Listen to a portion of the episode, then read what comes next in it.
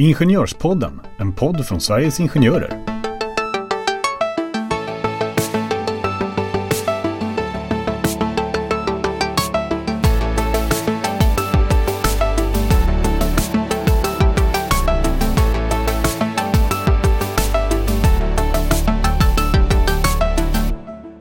Vad är ITP1 och ITP2? Hur bra är tjänstepensionen egentligen? Vilka egna val måste jag göra? Och vad ska man göra om man inte har tjänstepension? Visste ni att ITP även innehåller försäkringar om man blir sjuk eller om man skulle avlida? Ja, varmt välkomna till Ingenjörspodden ska ni vara. Idag ska jag, Jenny Rosenbaum och min kollega Rickard Levin. prata om eh, något så spännande som pensioner. Och jag tänker, vi har mycket på agendan idag så vi kör igång. Vi kör.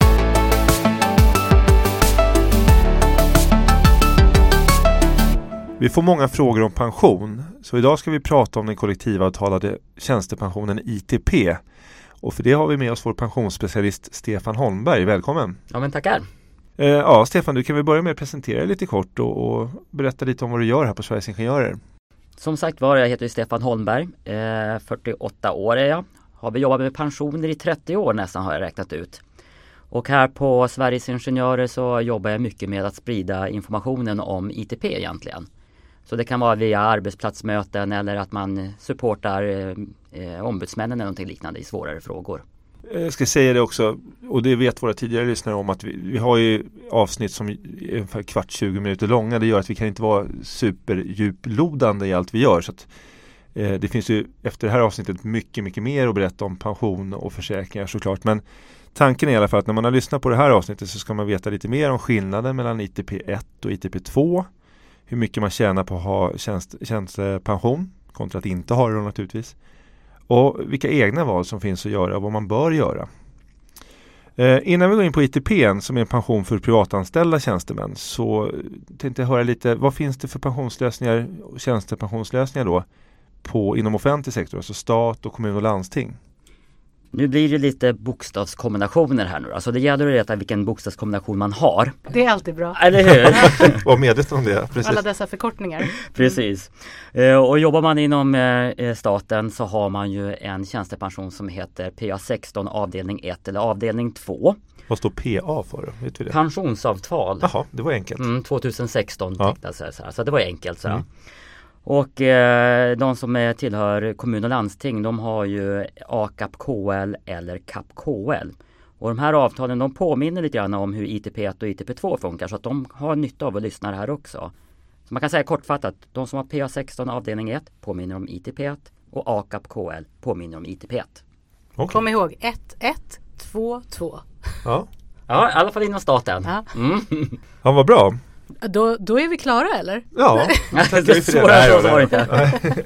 Men okej, men som du säger då så att eh, det finns en poäng för alla våra medlemmar att lyssna på det här eftersom det, det, de påminner om varandra, de här olika systemen.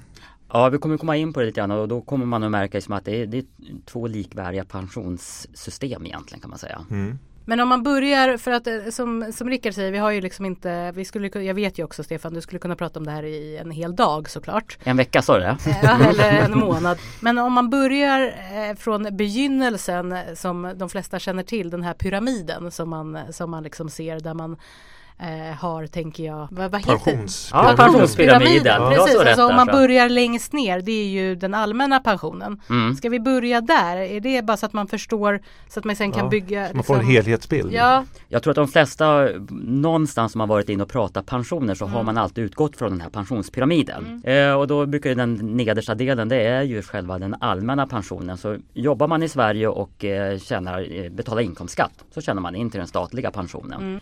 Och sen så brukar man se att ovanpå den så ska ju eh, tjänstepensionen komplettera det. mm. och det är då vi pratar den här ITP 1 och 2 till exempel då. Ja exakt. Mm. Och när man tittar på den så ser den ju lite grann ut som att den allmänna pensionen är störst och tjänstepensionen lite mindre och sen på toppen så har man den privata pensionen. Mm. Men för många av våra medlemmar så kan du tänka att den här pyramiden är lite, den är lite överviktig kan man säga så att den är lite bullig i mitten.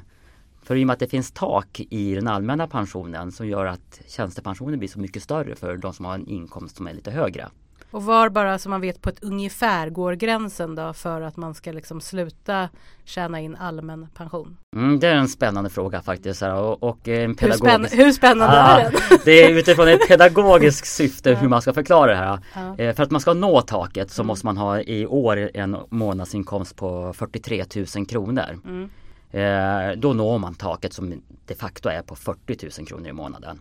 Och det är då man ser att tjänstepensionerna brukar bli rätt mycket större över den delen och det är därför som tjänstepensionen blir så otroligt mycket viktigare för de som har en högre inkomst. Mm. Men om vi, om vi eh, skulle gå in då lite på ITP1 och ITP2. Eh, många har ju hört att ja, jag har någonting ITP och sen vet man inte alltid om man har ITP1 eller ITP2 eh, och så vidare. Men vad, vad, skulle du säga, hur, hur ska man bäst förklara skillnaderna? Om man börjar med att, förklara i alla fall liksom så man vet vad man tillhör, för det är mm. rätt centralt i det hela. Och då är ju som huvudregeln är ju att eh, det är ju när man är född. Mm. Så de som är född 79 eller eh, jag har alltid så svårt att komma ihåg det med senare och tidigare. Mm. Så de som är född 79 eller senare de är ju då ITP1 enligt huvudregeln och 78 eller tidigare är ju ITP2. Mm. Sen ska jag bara lägga, det, är huvud, det finns ju undantagsregler också som ni förstår. Men visst kan man gå in på eh, Collectum till exempel, deras hemsida. Där kan man gå in och egentligen slå på personnummer och då får man fram vad arbetsgivaren Ja, det bästa sättet att göra det är ju att du faktiskt loggar in dig på Collectums eh, på sina sidor på collectum.se. Ja. Collectum det är ju själva administrationsbolaget för ITP. Mm. Det är där man gör alla val och mm. där kan man se om man har ITP1 eller ITP2. Mm. Precis, men jag tror faktiskt att även om man inte liksom loggar in sig så kan man egentligen slå på ett personnummer och se man kunde det förut. Ja, kan man inte det längre? Eller? Jag, jag, är osäker om den. Jag ja. brukar alltid hänvisa, gå in ja. ja men det är klart man ska göra det. Det är alltid Post bättre att gå in. GDPR. Ja. för, då, för då ser du vilka val du har gjort och mm. alltihopa. Så, här, liksom, så att det, är, det är ju liksom det första tipset. Logga in dig på collectum.se, mm. se vilka val du har gjort och om du har ITP1 eller ITP2. Men huvudregeln är ju eh, det här som du säger med, med ålder. Men sen kan det väl vara eh, att eh, är det ett bolag som precis har har tecknat kollektivavtal och gått in i det här så kan de eh, eventuellt välja om man ska ha ITP1 eller ITP2 och då tänker jag eh, att många väljer ITP1. Mm, eh, det är ju de som tecknar kollektivavtal efter mm. 2006 eh, ungefär. Precis. De kan ju välja att tillämpa ITP1 eller, och, eller både ITP1 mm. och ITP2. Eh, I början så såg man att det var inte så stor skillnad faktiskt på hur de tecknade upp de här olika avtalen. Nu så ser man att det börjar bli en övervikt mot ITP1. Då, då. Mm. Och det har ju sina förklaringar men det är, liksom, det är, inga, det är inga konstigheter i det hela överhuvudtaget utan det, det är helt okej okay alltihop där. Då. Men med tanke på det som du beskrev och så som det funkar rent åldersmässigt vem som har vilken lösning så är ju ITP2 på att det håller på att fasas ut. ITP2 håller på att fasas ut i och med att det är en tydlig ålder. Det är bara de som är född 78 eller tidigare som kan ha ITP2 överhuvudtaget. Sådär. Just det. När vi går i pension sedan, jag är född 1970 så är ITP2. När det nu blir. När det nu blir, mm. ja precis. Ja, fast ITP2 den upphör alltid att gälla när man fyller 65 år ja. som man gälla. Så ja. förstå också. Mm. Det är jag och eh, vår producent Pavel här inne så vi står för den yngre skaran eh, som, eh, som är lyckliga nog att ha fått ITP1 och även kommer få jobba väldigt länge.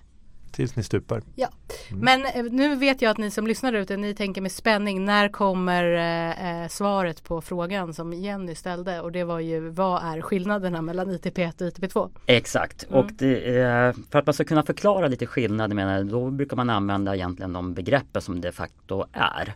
Och det är att ITP1 är en premiebestämd pension säger man.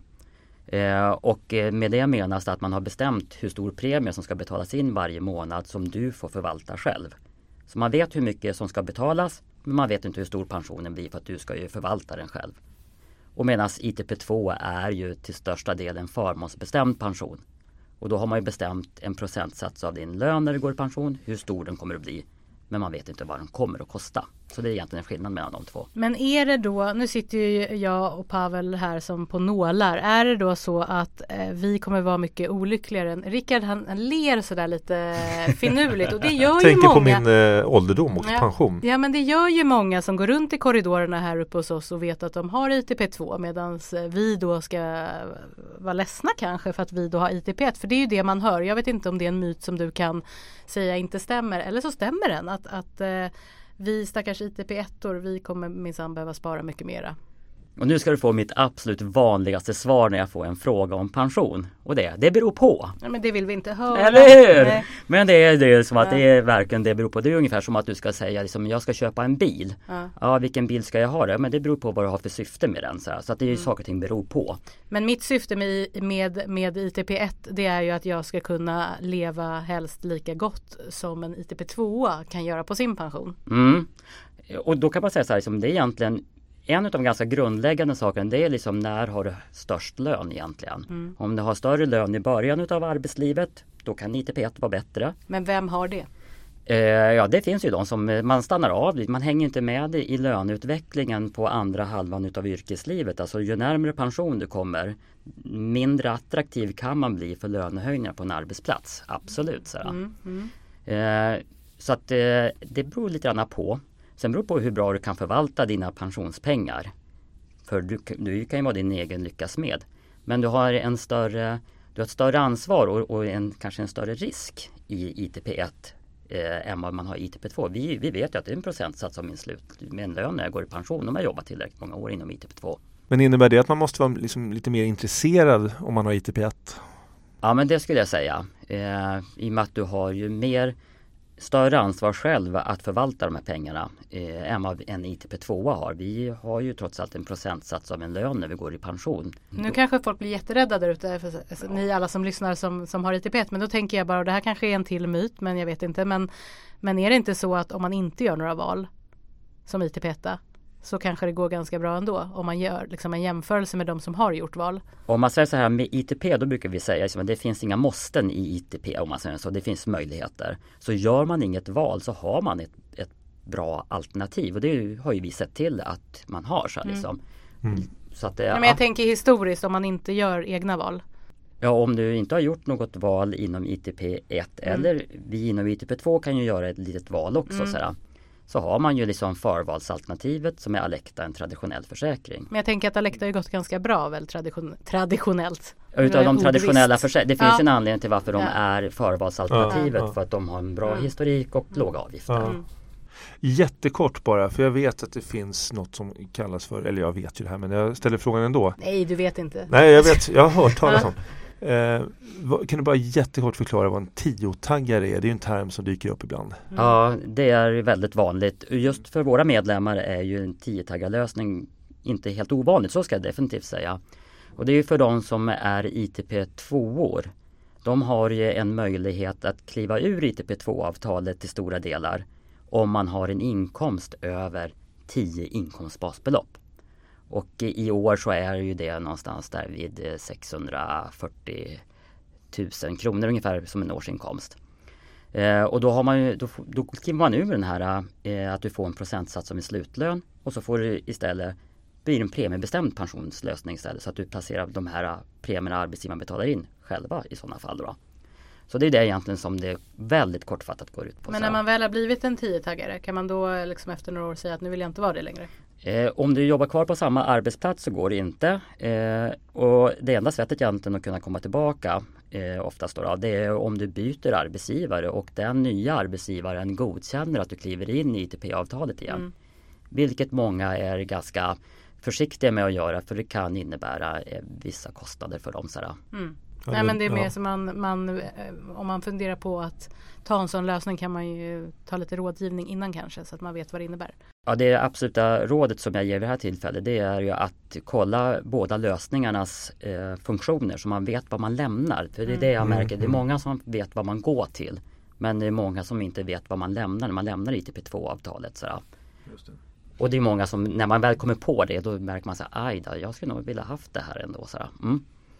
Men du bör, nu har vi pratat lite om ITP1 och den premiebestämda pensionen så att säga. Men om man kollar på ITP2 då? Hur skulle du definiera den? För vi, vi, jag, jag är fortfarande lite inne på Ja. frågan med Ja, men, ja, ja precis. För du var inne på att där är det viktigt som jag förstod dig att ha en högre lön när man avslutar sitt arbetsliv. Ja, precis. Men då, då skulle man ju kunna, eh, ledande fråga här, men då skulle man ju kunna brassa på rejält eh, om man är överens med arbetsgivaren att sista månaden här innan man fyller 65 s- och går i pension så får man 10 000, 20 000 i påslag. Det är visst, jättebra. vore, visst vore det snyggt va? Ja. Det skulle kunna innebära att får du 10 000 kronor mer i sista månadslönen så skulle du kortfattat kunna bli eh, 600, 6 500 kronor mer i, i månaden också. Ja. Men det har man ju sett till att man inte ska kunna spekulera mot systemet. Så att eh, tipset är ju att innan man fyller 60 år, det är då man ska ha de stora lönehöjningarna om man säger så kortfattat. Och om du har växlat in någon förmån där du har använt lön mot en förmån. Bilförmån till exempel. Till exempel om det, man rycker bort en del av lönen för det. Se till att växla in den före man fyller 60 år så då är du säker på att hela förmånen kan bli pensionsgrundande.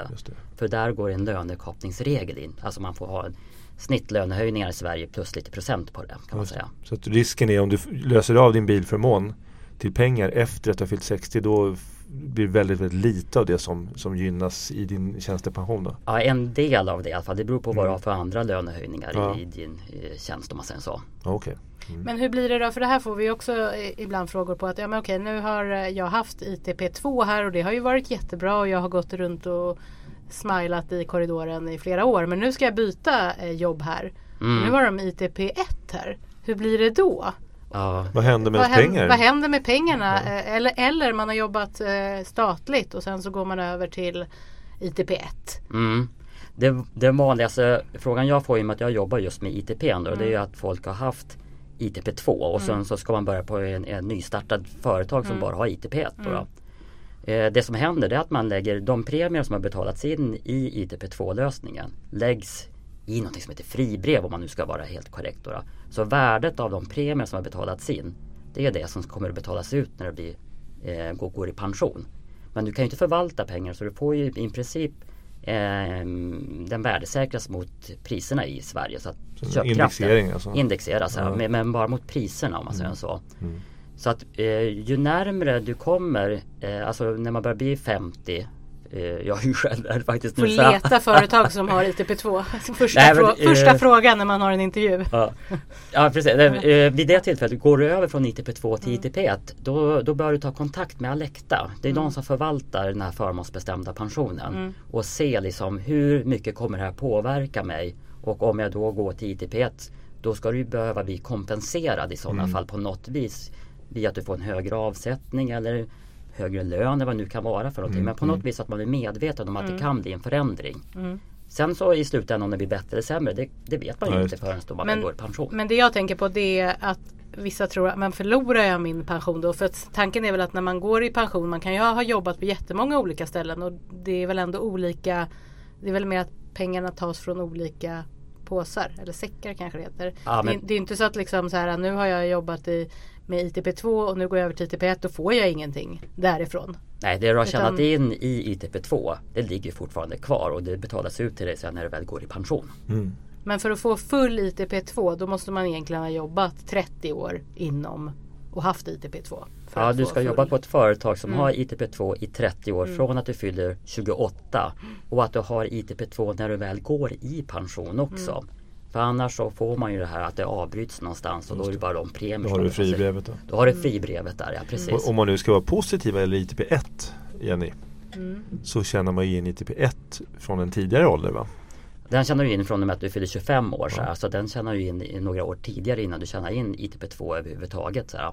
Och nu pratar vi ålderspensionen bara hela tiden. Så här. Just det. Jag känner mig väldigt eh, glad och lättad. Nej, men Mm. det jag tänker på när vi fortsätter att prata då ITP1 och eh, stackars oss. Så, så det här med privata pensionssparandet.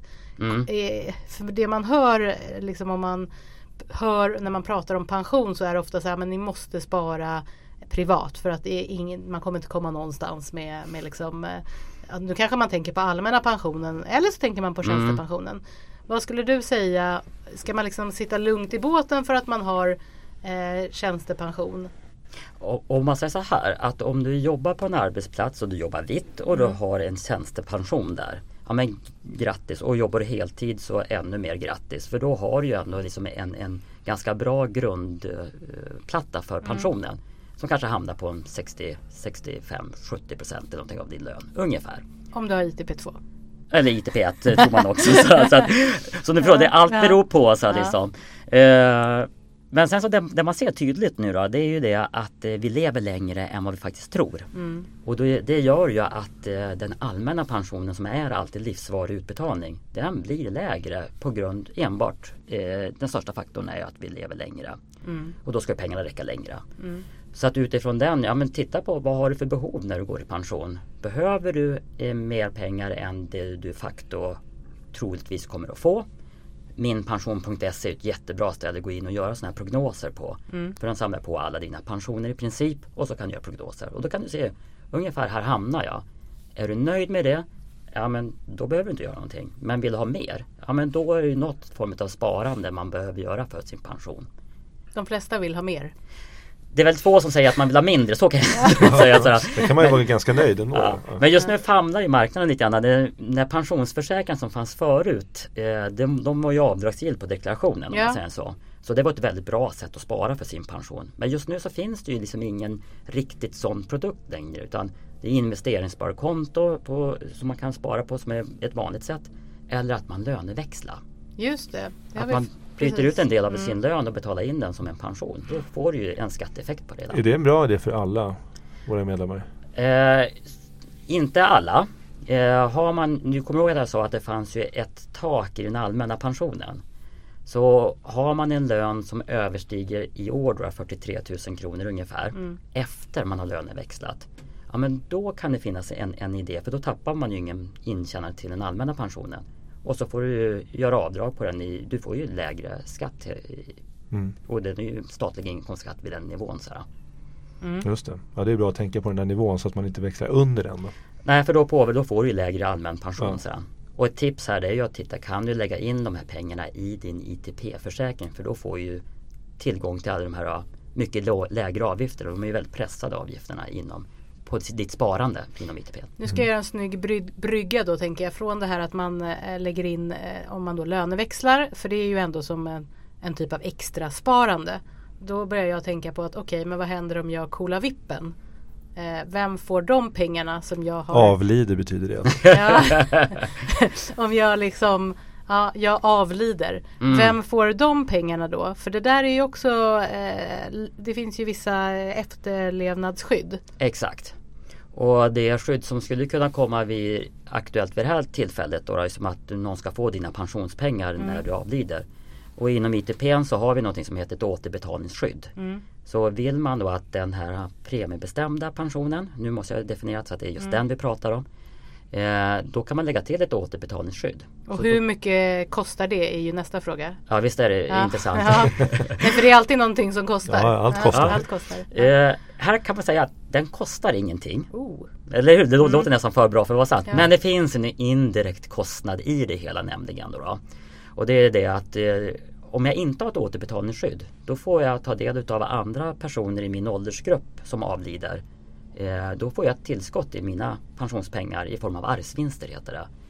Men har jag ett återbetalningsskydd då får jag inte ta del av arvsvinster för då får ju betalas jag ut till min familj. Då, då.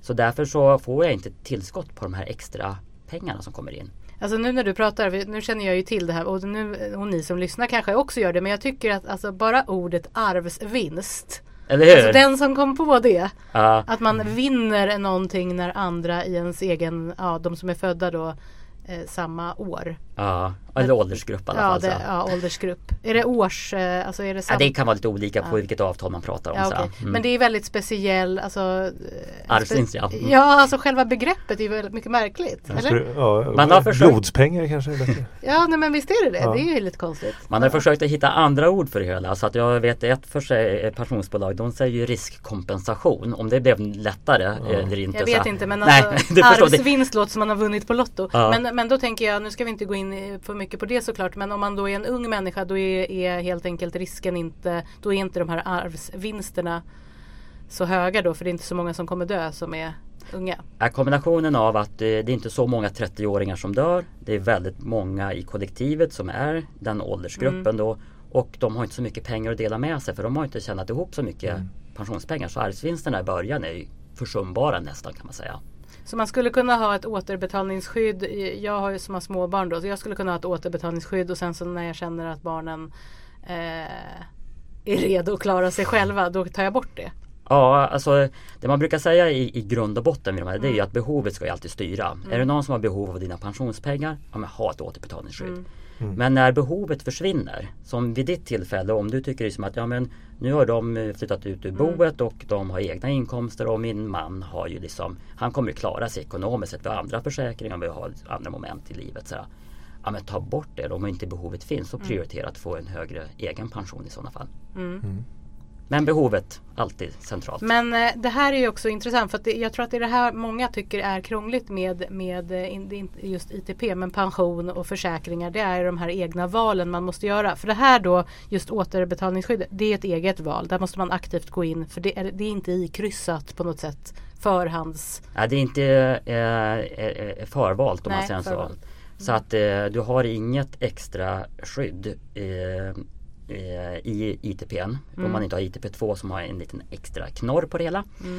Eh, men om man vill göra ett så här val, om man funderar, behöver jag ha det eller inte? Så finns det ett otroligt bra ställe man kan faktiskt få ett individuellt råd som är oberoende och kostnadsfritt.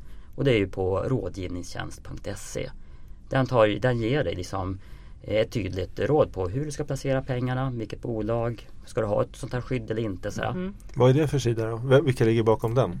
Eh, det är PTK heter de som står för själva eh, sidan. Eh, och Där är ju Sveriges Ingenjörer medlemmar bland vi är ju annat. medlem, så de, det är de som förhandlar ITP åt alla privata tjänstemän. Eh, så. Eh, så att eh, de har ju tagit fram, vi har gett dem ett uppdrag, alla de här privata tjänstemannaförbunden har gett dem ett uppdrag. Ta fram, vi vet att folk behöver ha ett kostnadsfritt oberoende råd som är individuellt utifrån mina förutsättningar. Så får du ett, ett jättetydligt, men du måste ha en aktiv ITP. Det måste betalas in till din ITP för att kunna få det här rådet. Jag har en fråga, vi pratar, det blir ju mycket termer och många, inklusive mig själv, kanske tycker att pensionsfrågor det är lite av en djungel. Men det kan ju bero på att man inte kan alla termer också. Mm. Det finns något som kallas för premiebefrielse. Ja, vad, vad innebär det? Eh, Premiebefrielsen är ju en extra försäkring. Som vi sa eh, i början här så innehåller ITP eh, en, en ålderspensionsdel och det är även eh, ett skydd vid sjukdom och om man skulle avlida. Men det finns eh, en extra försäkring i det hela också som heter premiebefrielse. Eh, och det är ju då om man skulle bli eh, långvarigt sjuk eh, så går ju, eh, då betalar inte arbetsgivaren någon lön till dig. Och då går den här försäkringen in och betalar det arbetsgivaren skulle ha gjort om du hade Till din fortsatt tjänstepension. till din tjänstepension. Ja, Och det gäller även för ITP-ettorna så gäller ju det vid föräldraledighet också. också. I ITP2 så står det inte i avtalet att det ska gälla vid föräldraledighet men det är en stark rekommendation både från Svenskt Näringsliv och PTK att arbetsgivaren ska betala Att man ska tillämpa på samma sätt där. Exakt. Men det där är en himla bra grej att du tar upp Rickard därför att eh, man tänker på eh, ITP 1 och 2 så tänker man ju oftast pension. Man kanske inte alltid tänker på att det faktiskt finns en typ av ett försä- annat försäkringsmoment i. För just Ja. det fall att du blir sjuk. Ja just och det finns ju både för sjukdom och efterlevande. Och vid sjukdom så under vissa perioder så gör den ju så att du får nästan 90% av din lön om du skulle bli sjuk. Så här. Och det är ju väldigt många som inte förstår det. Och det finns ju ganska begränsningar i den allmänna eh, sjukskyddet i och med att det finns ett tak på ungefär 30 000 kronor i månaden. Mm. Och våra medlemmar har ju oftast löner som ligger ovanför där och det är då ITPn kommer in och är ett otroligt starkt skydd vid sjukdom. Och de här sakerna, det du berättar med sjukförsäkringen, det här så ska jag säga, sjuklönepåslaget eller vad man ska säga ovanför sjukpenning. Mm. Premiebefrielse, det är ju ingenting som våra medlemmar behöver stå för utan det här betalar väl arbetsgivaren? Det här ingår ju i hela ITP-paketet så, här, liksom, så att eh, som dig som är anställd på ett företag som har ITP eh, du ser ju aldrig de här avgifterna, liksom de, de här pengarna som de betalar in utan det ingår i själva Det ligger liksom utöver avsättningen till pension ITP. och sådana saker. Exakt. Ja. Vad står ITP för? Ska vi kanske ha det som ett Eller avslutande? hur, ja. Men jag sitter och tänker så här. Ja, vi Jag kan vill berätta vad det står Ja. för. Stefan, Eh, det står ju för industrin och handelns tilläggspension. Mm. Eh, bara lite kort, för att det händer ju för oss som ombudsmän ibland att vi är ute på företag eh, och diskuterar det här med kollektivavtal. Och då kan man få som svar ibland att Jo, nej, men, eller så får vi en fråga från medlemmar. Och då kan företag arbetsgivaren hävda att nej, men vi, vi erbjuder också en tjänstepension och det, det kan man ju göra naturligtvis. Mm. Eh, och så säger de att vi, vi, har, vi erbjuder villkor som egentligen är på samma nivå. Det, det är lika bra som ITP. Mm. Det Eh, speglar ITP1 brukar de ja, lite Mm. så. eh, känner du igen det? Det är jättevanligt sådär. Eh, och, och det är ju Det är en sanning med modifikation, så är det definitivt så liksom.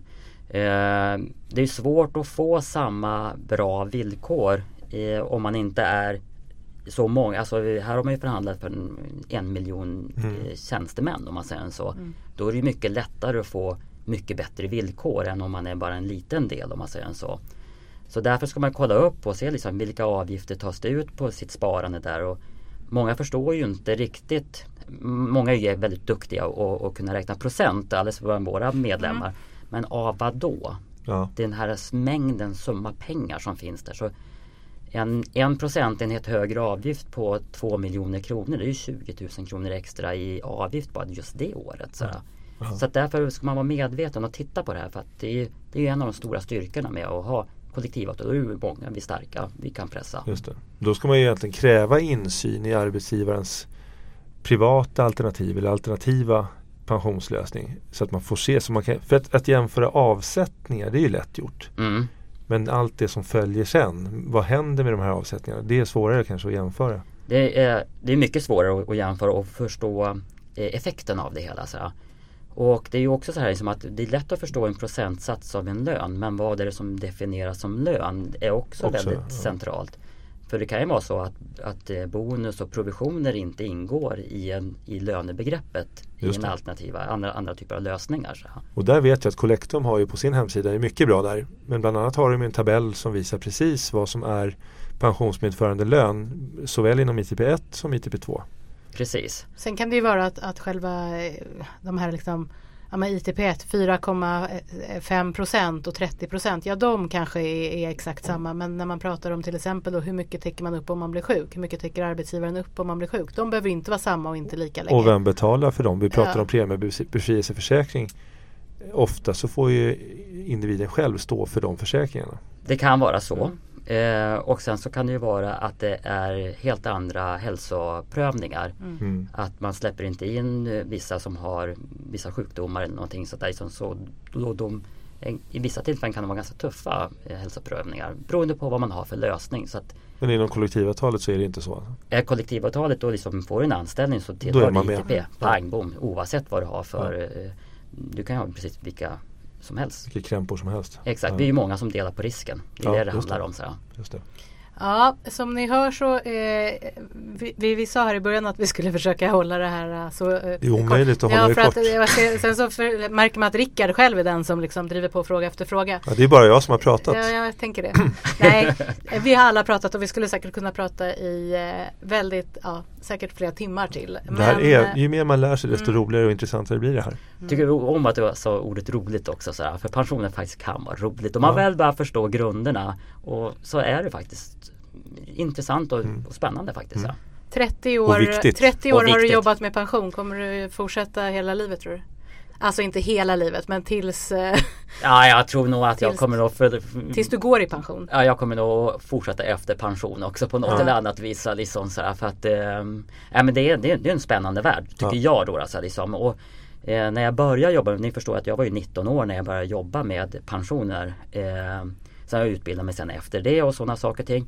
Men eh, eh, då trodde jag aldrig att eh, det här yrket skulle vara så roligt som jag tycker att det är. För det påverkar alla, vare sig man vill eller inte. Så Ja. påverkar det eh, allihopa i Sverige. Och det där får bli våra slutord helt enkelt. Vi får se om vi tar någon följetong för det känns som att det här kommer vi kunna prata mer om. Men ni som lyssnar, har ni följdfrågor eller ja, någonting som ni tänker på så får ni gärna mejla det till oss så kanske vi kan eh, få hit Stefan en annan gång. Ja.